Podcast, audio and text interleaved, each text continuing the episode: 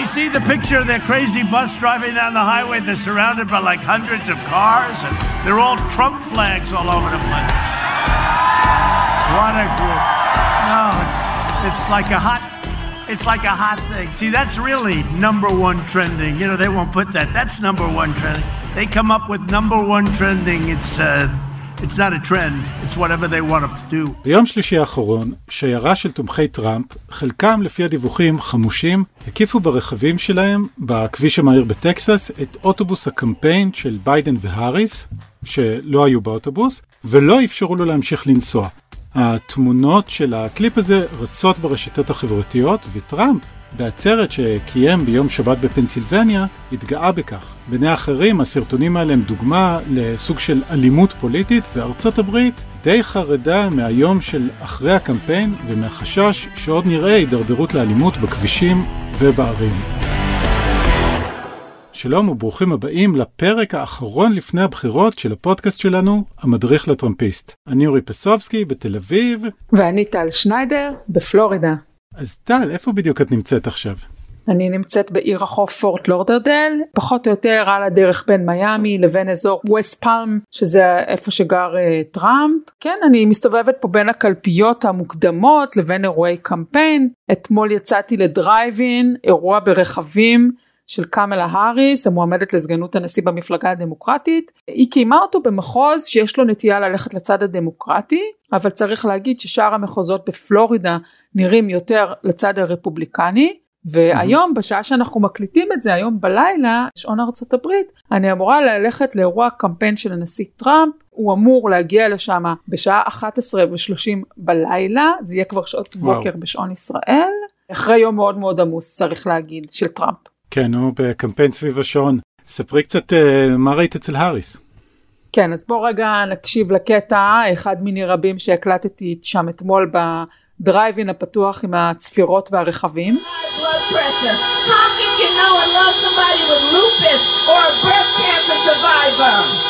טוב, זה קטע קצרצר, זה הפסקול של הקמפיין הדמוקרטי, נאומים וצפצופי מכוניות, זה נערך במגרש חניה מאוד גדול של איזשהו community college, קולג' מהפשוטים שיש כאן.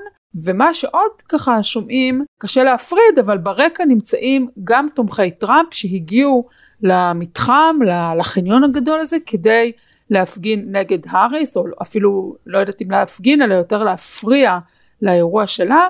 הם מרוכזים בשוליים, הם לא נכנסו כמובן לאיפה שהרכבים שתומכים בהאריס, והם הגיעו להריש ולשאת לנופף בדגלים בעיקר. כן, את יודעת, ראיתי את הסרטונים שהעלית משם לטוויטר, והיה שם דגל אחד קצת uh, חריג, איך נאמר. בדיוק, מפגיני uh, בעד טראמפ הגיעו עם דגלי ארצות הברית ועם דגלים ככה של הסמלים של המפלגה הרפובליקנית וגם בתוך האירוע עצמו היו דגלים של ארצות הברית עד פה סביר לחלוטין כל צד עם הדגלים אבל מה כן היה חדש עבורי? המפגינים התומכים בטראמפ הגיעו עם שלושה דגלי ישראל ונופפו בהם ביחד עם דגלי ארצות הברית. תגידי משהו, תומכי טראמפ שמנופפים בדגל ישראל באירוע של האריס, מנקודת מבט ישראלית יש בזה משהו קצת מטריד, לא? תשמע, אני הרבה שנים uh, נמצאת בארצות הברית באירועי קמפיין ובאירועים של שתי המפלגות ולא ראיתי עד היום uh, ממש ככה נפנוף בדגלים. ישראלים לצד הדגלים האמריקאים וזאת כדי להתריס או להפריע למועמדת של המפלגה הדמוקרטית. אני, אני חושבת אישית שזו התפתחות לא טובה. ישראל במשך הרבה מאוד שנים התגאתה בתמיכה הדו מפלגתית שלה ביכולת של הדיפלומטים הישראלים לעבוד עם שני הצדדים. נבחרי ציבור ישראלים ראשי ממשלה תמיד הקפידו על האיזון בין הצדדים. ואנחנו רואים בצד הדמוקרטי צצות אה, פוליטיקאיות כמו אה, AOC אלכסנדריה אוקזיו קורטז שמסרבת להשתתף באירוע לזכר אה, ראש הממשלה רבין ז"ל שכמובן נרצח היא לא רוצה להגיע לאירוע כי יש טענה שמועלית בפניה על זה שהוא פגע בפלסטינים. פה אתה רואה שרפובליקנים שוב זה אנשים מהשטח זה לא לא יודעת אם זה הכתבה של ראשי המפלגה אבל הם כתומכים של טראמפ מצטיידים בדגלי ישראל כדי להפגין נגד האריס וישראל הופכת להיות טיעון פוליטי היא הרבה שנים טיעון פוליטי אבל לא בצורה כל כך בוטה דבר שעשוי לעודד עוד ועוד אנשים לתעב את המדינה שלנו, אני רואה את זה כהתפתחות שלילית ביותר מבחינת ישראל. מאיפה את חושבת שזה מגיע? כמובן זה נובע משימוש שעושים המועמדים, צריך להגיד בעיקר טראמפ עשה שימוש בנושא הזה כל השנים האחרונות ואפילו נהג להגיד שיהודים שמצביעים עבור המפלגה הדמוקרטית הוא לא מבין אותם הם סוג של בוגדים כי איך הם מעיזים כן. כשישראל היא רק שלו אבל אי אפשר לטמון את הראש בחול ולהתעלם גם מהאופן העקבי בו נתניהו בחר בשנים האחרונות להיות צמוד ומזוהה לחלוטין עם כל מה שהוא רפובליקני. ואורי האמת היא שזה גם לפני שטראמפ נבחר נתניהו ממש אה, עבד נגד אובמה מעבר לנאום שהוא נשא בקונגרס בנושא הסכם הגרעין הוא גם אחר כך אה, טען בכל הקמפיינים שלו שהיו לו כאן בישראל או השמונה שנים של אובמה זה הסבל הכי גדול והוא מציג את חוזקו כי אני נלחמתי בנשיא האמריקאי והנה התוצאות uh, נראות uh, בשטח. תגידי האנשים שמה הסבירו לך uh, מה הם עושים? כן אז קודם כל אני גם דיברתי עם תומכי טראמפ אבל לפני כן אני עדיין בתוך האירוע רוצה רגע שאנחנו נשמע את פיי אפרו-אמריקנית מהאזור הזה ספציפית שחיה פה לא מתנדבת בקמפיין אלא פשוט באה לשמוע את קמאלה האריס ובוא נשמע רגע מה היא חושבת על מה שצפוי והפחדים מהכאוס ברחובות. Are you optimistic about Tuesday? What do you think going to happen on Tuesday? Uh, that's a good question because you never know. This it, it, it, on Tuesday, I hope that everything. I really think that it's going to be chaos Tuesday. Yeah. I'm hoping it don't be. Here in Florida or elsewhere? Here in Florida. Yeah. Because Florida, Florida is the most important state. You know, if you win Florida. Mm then I think Biden has a good chance. I'm not going to say he's going to win, but, but I'm hoping. What type of chaos do you think going to happen? Like in the streets? Ah, uh, if if he don't win. If I don't know, I mean. No, no. I think I think it'll go smoothly if he don't win because we have been back a hundred years for rejection yeah. of people that didn't win. Mm-hmm. But from all these crazy ones out here, white supremacists, mm-hmm. the way they're acting, mm-hmm. if he don't win, they might really Hmm want to do scary. something, it yeah. is scary. But uh, hey. Do you see like the, the African American community is voting in uh, big numbers? Oh, big numbers. Yeah. Gigantic numbers. Yeah. People who haven't voted for in, in their life. Really? Yes. Like my what's, son is one of them. What's driving them? Uh, the hatred that uh, uh, what's the president? I don't even know what his name right now. Who the president right now? וכמו שסיפרתי לך, איך שיצאתי מהמקום, יצאתי מה, מה, מהמרחב החניוני הקטן והלכתי למרחב החניוני האחר אז ראיתי את החבר'ה של טראמפ וניגשתי למישהו בשם ויני גבר צעיר לא מבוגר שעובד בתור טייס תובלה של סחורות והוא הגיע עם הקרוון הפרטי שלו אתה יודע מה הקרוונים האלו שמטיילים איתם ואפשר לישון בהם הוא לקח את כן, הקרוון ועשה לו הסבה מוחלטת כל הקרוון הוא קרוון טראמפ עטף אותו הוא הסביר לי במעין איזשהו מעין מדבקות כאלו מיוחדות ש, שבעצם משנות את כל הכיסוי של הקרוון לקרוון אה, קמפיין והכל בהתנדבות אה, צריך להגיד. ואני גם שאלתי אותו על הנושא של ישראל ובנושא של ישראל הוא אמר לי אנחנו עם ישראל כי בעצם אנחנו יודעים שרק דונלד טראמפ מקיים את ההבטחות שלו כלפי ישראל. וגם אני רוצה להשמיע לנו איזה קטע קטן שבו אני שואלת אותו על, ה, על הקרוון שלו ומה הוא מתכנן לעתיד, האם הוא, האם הוא רוצה בעצם בהמשך uh, להחזיר את הרכב למצבו הקודם, בואו נשמע מה הוא עונה. So this is your private truck, you use yes. it, you use it for what? You... Uh, this is personal recreational use mm. and I decided to like donate traveling? it. Yes, tra- and I decided to donate it to the campaign mm. and donate the use of it to the campaign. So when did you do that? Uh, this was done in September of last mm. year. So, and next month or within, you know, shortly, you're going to return it, you know, you're going to switch it back to Absolutely not. If you'll notice, it says Trump train, uh-huh. but you'll notice there is no year uh-huh. anywhere on the vehicle. And that's because Donald J. Trump will not be the last Trump in the Oval Office. and this vehicle will make sure that that train keeps rolling. So is it going to be Eric or Don or Ivanka? Or... It's, it's too soon to tell. but there are enough people with the last name of Trump who are eligible to sit in the Oval Office for eight years.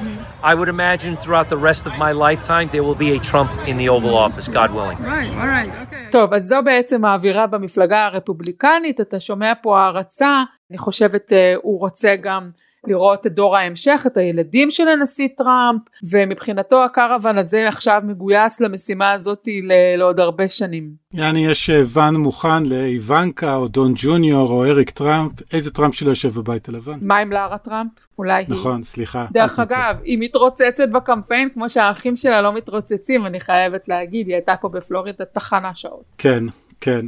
אוקיי, בטח פגשת עוד אה, לא מעט תומכים אה, של שני הצדדים. נכון, אפשר להגיד המצב פה הוא חצי חצי, הייתי בקלפיות הצבעה מוקדמת אה, באזורים של פורט לודורדל, אה, אתה יודע, הרבה פעמים קלפיות נמצאות במתנסים, בספריות ציבוריות, בבתי ספר, אני יצא לי כבר גם לראות כמה דברים מוזרים, כמו קלפיות בתוך אה, כנסייה או בתוך בניין של העירייה, אפילו, לא יודעת אם אתה זוכר באיואה, אחת הקלפיות של ה caucuses שהלכתי להם הייתה בתוך בריכה ציבורית עם הריח של הכלור אבל אתמול ראיתי פעם ראשונה בחיים שלי קלפי בתוך מול קניון אבל ממש ממש באמצע הקניון זאת אומרת אתה יכול ללכת לקנות נעליים ב Foot Locker לתקן את השעון ולהיכנס לבית מרקחת וגם להצביע על הדרך. תגידי מה הולך שם עסקים במול בכלל פתוחים עם הקורונה והכל? אז המו"ל הזה שאני הייתי בו הוא מעין המו"לים האלו שהם קצת ישנים מרופטים כאלו, חלק מהחנויות היו סגורות,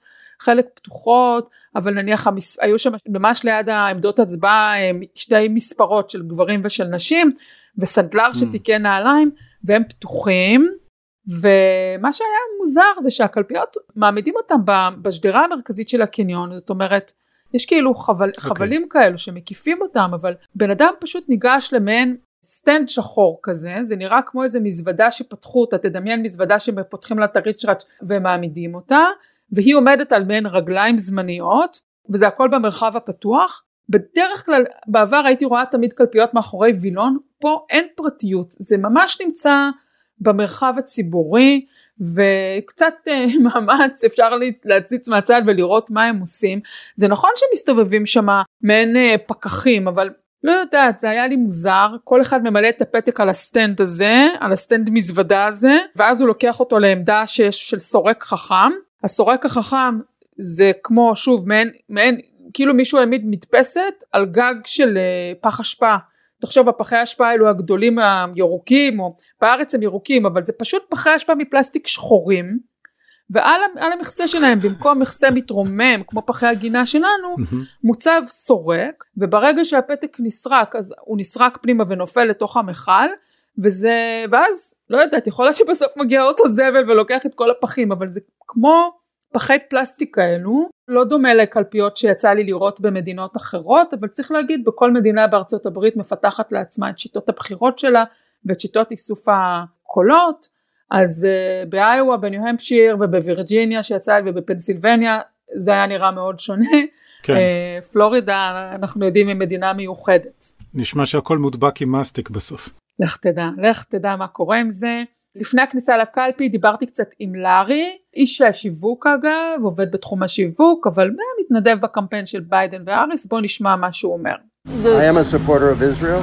I, my parents have been to Israel 27 times. Supporter of Jewish Federation, which mm-hmm. supports Israel, but uh, I believe that Trump says what he needs to say and is pandering. Mm-hmm. And I think it's one bully liking another bully because somebody over there is a little bit of a bully too. Right. um, but Biden actually has a love for Israel. He's been there nine times, and it's all propaganda. What do you feel about Biden Trump chances here? I mean, it's. The Biden Trump what? Chances here in Florida. I'd say it's literally a toss-up.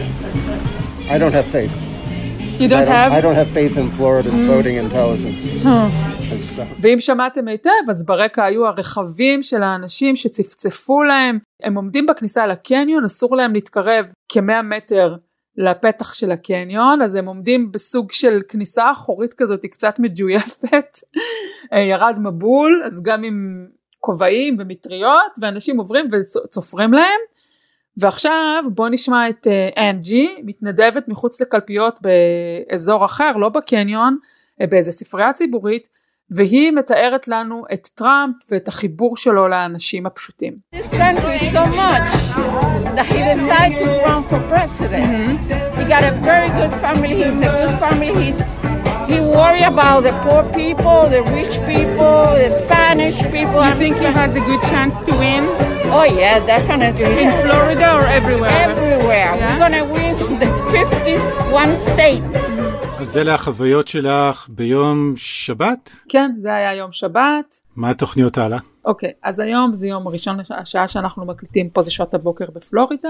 אני מתכוונת להגיע לשיירת רכבים של קבוצה שנקראת ישראלים למען טראמפ. היא עושה איזשהו כזה נסיעה עם רכבים שהם צבועים, עם רמקולים וכולי.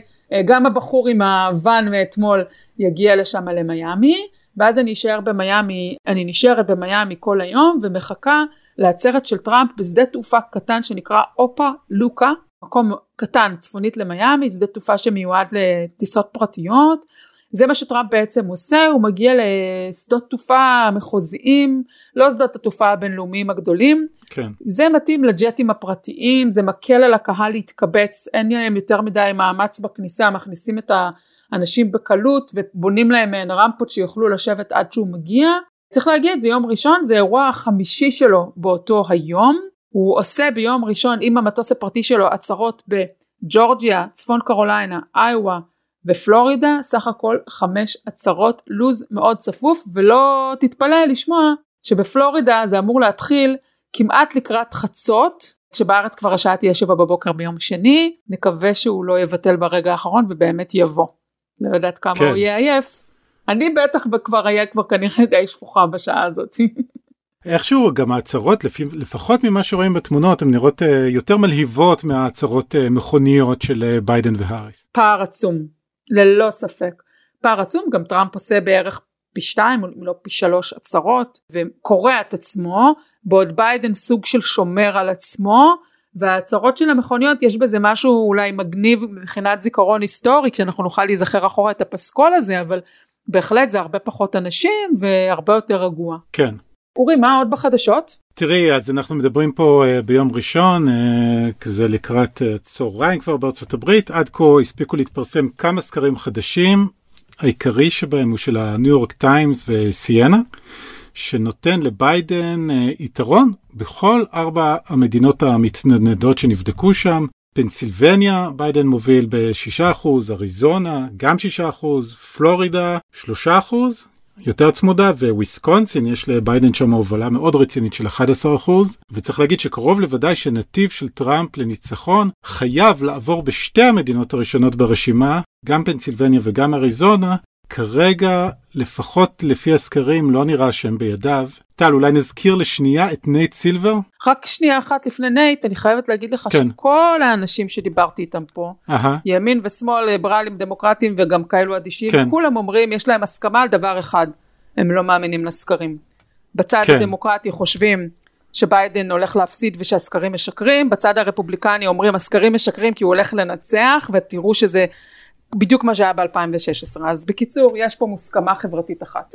כן, תראה, אבל פלורידה באמת, אה, באמת צמודה. נכון. אה, יחסית. אה, מכל המדינות האלה, פלורידה הכי צמודה. כולם צודקים וכולם טועים. זהו, נייט סילבר אה, למשל, חביבך, חס... כן. צריך לומר, הוא אומר שאין עדות, לפחות ממה שהוא רואה בנתונים, לזה שהמרוץ אה, הופך לצמוד יותר, ואת יודעת, הוא נותן לפי המודל שלו לטראמפ סיכוי של 1 ל-10 לזכות בבחירות, כלומר לביידן יש 90% לזכות. צריך להגיד שכמובן ש-1 ל-10 זה לא סיכוי רע, כלומר, כולם היו לוקחים סיכוי של 1 ל-10 לזכות בלוטו. ואז הוא יגיד בדיעבד, הוא יתראיין, הוא יגיד, מה אתם רוצים? נתתי לו סיכוי. אז זהו, אז הוא אומר, מה זה אומר בעצם? יש סיכוי סביר, 1 ל-10, שטראמפ יזכה, אבל כדי שזה יקרה, לא רק שהסקרים כרגע צריכים לטעות, אלא שהטעות בסקרים צריכה להיות אפילו יותר גדולה מאשר מה שהיה ב-2016. שזה יכול לקרות. אתה יודע, אני חושבת שאם אנחנו נקום ביום רביעי או ביום חמישי ונראה באמת טעות מטורפת של הסקרים, אני הייתי רוצה להגיד לך שאני מאחלת לכל תעשיית הסקרים בעולם שהיא פשוט תיסגר ותלך הביתה. אני חושבת שזה מתיש אותנו ואנחנו מתעסקים עם זה כל הזמן ובואו כאילו אם, אם, אם יש פה איזושהי טעות קולוסלית כזאת אז, אז חבר'ה תסגרו את הביזנס שלכם תודה ושלום. תשמעי, האמת שגם רואים אה, סימנים אה, מדאיגים אה, אחרים, לכאורה לפחות הדמוקרטים מדברים על זה אין מספיק התלהבות uh, בקרב uh, מצביעים היספנים, נכון. מצביעים שוחר, uh, שחורים לא נלהבים, אבל uh, את יודעת, יכול להיות שזה התופעה החביבה עלייך uh, בקמפיינים, הדמוקרטים עושים גוואלד, לכי תדעי אם באמת הם לא באים להצביע, או שפשוט הם מנסים להוציא אותם להצביע עוד יותר. טוב, פיי ששמענו אותה קודם אמרה שהיא בחיים שלה לא ראתה כזאת כמות של שחורים הולכים להצביע, אבל שוב, כל אחד עם העיניים שלו, זה לא, אי אפשר לדעת. תשמעי, יש עוד דבר שצריך להזכיר, והאמת שהוא לא נכנס לסקרים, וזה כל הנושא המשפטי, וספציפית האפשרות שחלק מהקולות שהוטלו פשוט לא ייספרו. בואי שנייה נשמע את טראמפ מדבר על זה די מפורשות. If we win, if we win on Tuesday, or thank you very much, Supreme Court, shortly thereafter, if we win, גם זה מעצרת אה, של טראמפ בפנסילבניה ביום שבת, וטראמפ אה, מדבר שם על שתי אפשרויות, או שהוא הולך לזכות שם ביום שלישי, או שהוא יזכה מעט אחר כך, ותודה רבה לבית המשפט העליון. ואת יודעת, דיברנו פה בשבוע שעבר על הפסיקה של העליון לגבי ספירת uh, מעטפות שיגיעו באיחור בוויסקונסין. הם הגבילו את הספירה והכניסו את הדמוקרטים ממש ללחץ אטומי. בסוף השבוע הייתה התפתחות אחרת שאפילו עוד יותר הלחיצה את הדמוקרטים. הרפובליקאים בטקסס עתרו לבית משפט פדרלי בדרישה לפסול 117 אלף טפסי הצבעה שכבר הוטלו לקלפיות במחוז האריס, להבדיל מאת יודעת טפסים שעושים את דרכם בדואר. פה מדובר בהצבעה שכבר התרחשה, זה מד... מצביעים שהצביעו בקלפיות, קלפיות דרייב אין, שמחוז האריס ארגן, וזכה לאישורו של ה-Secretary of State בטקסס. והיה איזשהו סיבוב משפטי על זה, ובית המשפט העליון בטקסס אפשר להצבעה להתקיים. ועכשיו זה בעצם מגיע ביום שני, זה אמור להגיע לשופט פדרלי שמאוד מזוהה עם עמדות רפובליקניות, והחשש הוא שהוא באמת יפסול את הקולות האלה בטענה שלמחוז לא הייתה סמכות לאשר הצבעה כזאת. Mm-hmm. ברקע יש פה חשש דמוקרטי מקו משפטי חדש, איזושהי פרשנות שלפיה אך ורק לבתי המחוקקים במדינות יש סמכות לקבוע איך מצביעים, להבדיל למשל מאנשי הממשל המקומי במדינות האלה, או אפילו ערכאות משפטיות במדינות. לא ניכנס עכשיו לכל הדיון המשפטי על זה. לא, אבל בית סיכוי... המשפט העליון לקח קו של מה שהמדינה קבעה בחוקיה, זה מה שהוא מכבד, ולכן אנחנו רואים תוצאה הפוכה בין פנטילס, פנסילבניה לוויסקונסין עם כל מיני uh, שינויים. עוד דבר מעניין אורי לגבי הקלפיות ולגבי ההצבעה, שגם פגשתי באחת הקלפיות עורכת דין בשם מרג'י, יהודייה דרך אגב, והבן שלה בישראל, לא יודעת כל מיני דברים, אבל בלי קשר. סיפרה לי שכל אחד ששולח את, את הפתק מקבל מספר סידורי ואז הוא יכול להיכנס לאתר אינטרנט של, של ה-Secretary of State ולעקוב. כן. הנה הפתק שלך הגיע ליעדו, הנה הפתק שלך נפתח, הנה הפתק שלך נספר והתחשבו בו, או הנה הפתק שלך נפסל. עכשיו היא אומרת שזה ברמה כזאתי שממש זה כמו מעקב של, של מקבלים לחבילות, אתה יודע שאתה יודע בכל כן. שלב איפה זה נמצא, אבל זה, היא אמרה לי זה נועד לייצר הרבה אמון במערכת, כדי שאנשים שהפתק שלהם נפסל, מקבלים על כך הודעה ויכולים uh, בתיאוריה לפנות ולעשות עם זה משהו, כמובן אם הם עשו את זה לפני הבחירות, כי בפלורידה צריך לסיים את השליחה של הפתקים לפני הבחירות, אי אפשר לשלוח יותר, בעצם כבר אי אפשר לשלוח יותר כמה ימים. אבל גם כן. זה מעניין כשאנחנו מסתכלים על שיטות הצבעה ועל איך, איך דמוקרטיה מתארגנת בתקופה כזאת מורכבת, סתם רעיונות. לא יודע, בעיניי האפשרות הזאת שהפתק שהטלת פשוט לא ייספר, הנה הפתק שלך נפסל, מאוד משונה. הדרייבין שהזכרת, בעצם נעשה שם גם איזשהו ויכוח עם אנשים שיש להם מוגבלויות. זאת אומרת, כמו שאנחנו עשינו את הבדיקת מטושים האלו באף, שעושים את זה בנסיעה בלי לצאת מהאוטו, היה בטקסס כוונה בהתחלה לאפשר לאנשים שיש להם מוגבלויות לחסוך להם את ההתרוצצות אבל אז כמו שסיפרת קודם בית המחוקקים פתח את זה בעצם ואמר לא רק בעלי מוגבלויות כל מי שרוצה יעילות פנדמיה אתה לא רוצה להתקרב לשום תיבה ולשום בן אדם תעשו את זה ברכב אז כן הסתבכויות שכאלה. כן אז כאמור נראה מה יהיה יכול להיות שעוד נרחיב על זה אבל יכול להיות אם תהיה פשוט הצבעה מכרעת לכיוון כלשהו אפשר להניח שזה לא יעשה דרכו במעלה בתי המשפט. בטקסס 117 אלף קולות זה הרבה מאוד.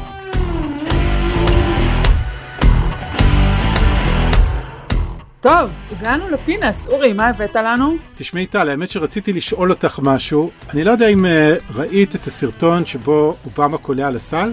Mm, לא ראיתי. אוקיי, אז uh, אובמה וביידן עצרו באולם כדורסל במישיגן, הם uh, עשו קמפיין ביחד שם בסוף השבוע.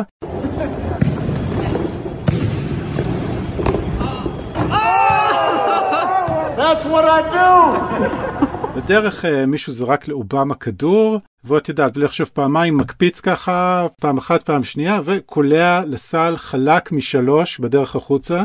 אז רגע, זה אומר לנו שאובמה הוא מגניב, צעיר, ספורטיבי, מלא באנרגיות, יפיוף, מה עוד? זהו, אבל זה לא אומר לנו את אף אחד מהדברים האלה על ביידן, ואת יודעת, ראיתי את אה, הסרטון הזה. ביידן הוא לא צעיר, מגניב, ספורטיבי ויפיוף? לפחות חלק מהדברים האלה הוא לא, ואני תהיתי, את יודעת, אם אובמה עושה פה שירות לביידן, עושה פה שירות לעצמו, כלומר, אני לא יודע, הניגוד ביניהם, אה, היה פה ניגוד ביניהם, איך נאמר. אני חייבת להגיד לך שכל אירועי הקמפיין האחרונים שביידן התרוצץ עם אובמה, זה באמת סוג של אה, בעיה, כי הוא מאפיל עליו, מצד שני מה שביידן מקבל פה זה את הסיקור התקשורתי, שהוא לא היה מקבל אותו, אף אחד לא מצלם אותו אם אין שם את אובמה, ככה, זה, ככה אני מתרשמת, בגלל שהקמפיינים כל כך מוגבלים בכמויות הנשים שלהם, הם צריכים, הכל צריך להיות פשוט בטלוויזיה. פשוט כן. מה שלא בטלוויזיה לא קרה. זהו, ושמעתי גם, את יודעת, שמעתי מצד שני מישהו שאומר שזה מראה לנו שהדמוקרטים הם ווינרים. שלא משנה אם זה אובמה או ביידן, יש פה ככה לקלוע אה, סל אה, בלי למצמץ, זה ווינרים וזה זה טוב בכללי, אני לא יודע אם זה נכון. לא יודעת, לא בטוחה בכלל. מה עוד יש לנו ב peanuts? כן, אה, הבאתי לך המנוח ואני, את יודעת, סוף השבוע הלך לעולמו שון קונרי, ג'יימס בונד הראשון, והוא קיבל גם המנוח ואני מדונלד ג'יי טראמפ, שכותב בטוויטר ששון קונרי הלך לעולמו greater fairways, מה שנקרא באנגלית, והסיפור האישי של טראמפ הוא שהיה מאוד אה, קשה עבורו אה, להשיג רישיונות עבור אה, פיתוח גדול שהוא רצה לעשות בסקוטלנד, ואז שון הגיע ופשוט צעק, תנו לו לבנות את זה, וזה כל מה שהיה צריך, והכל רץ חלק משם.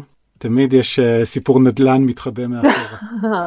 וגם צריך להגיד אולי ששון קונרי היה מהחבר'ה שרצו שסקוטלנד תקבל אה, עצמאות, ועם הברקזיט וכל התמיכה של טראמפ בבדלנות ובהפיכה, פירוק כאילו מוסדות ישנים, אולי גם שם היה להם חיבור מנטלי, לא יודעת. כן, סקוטקסית, אולי זה עוד יקרה. כן, בדיוק.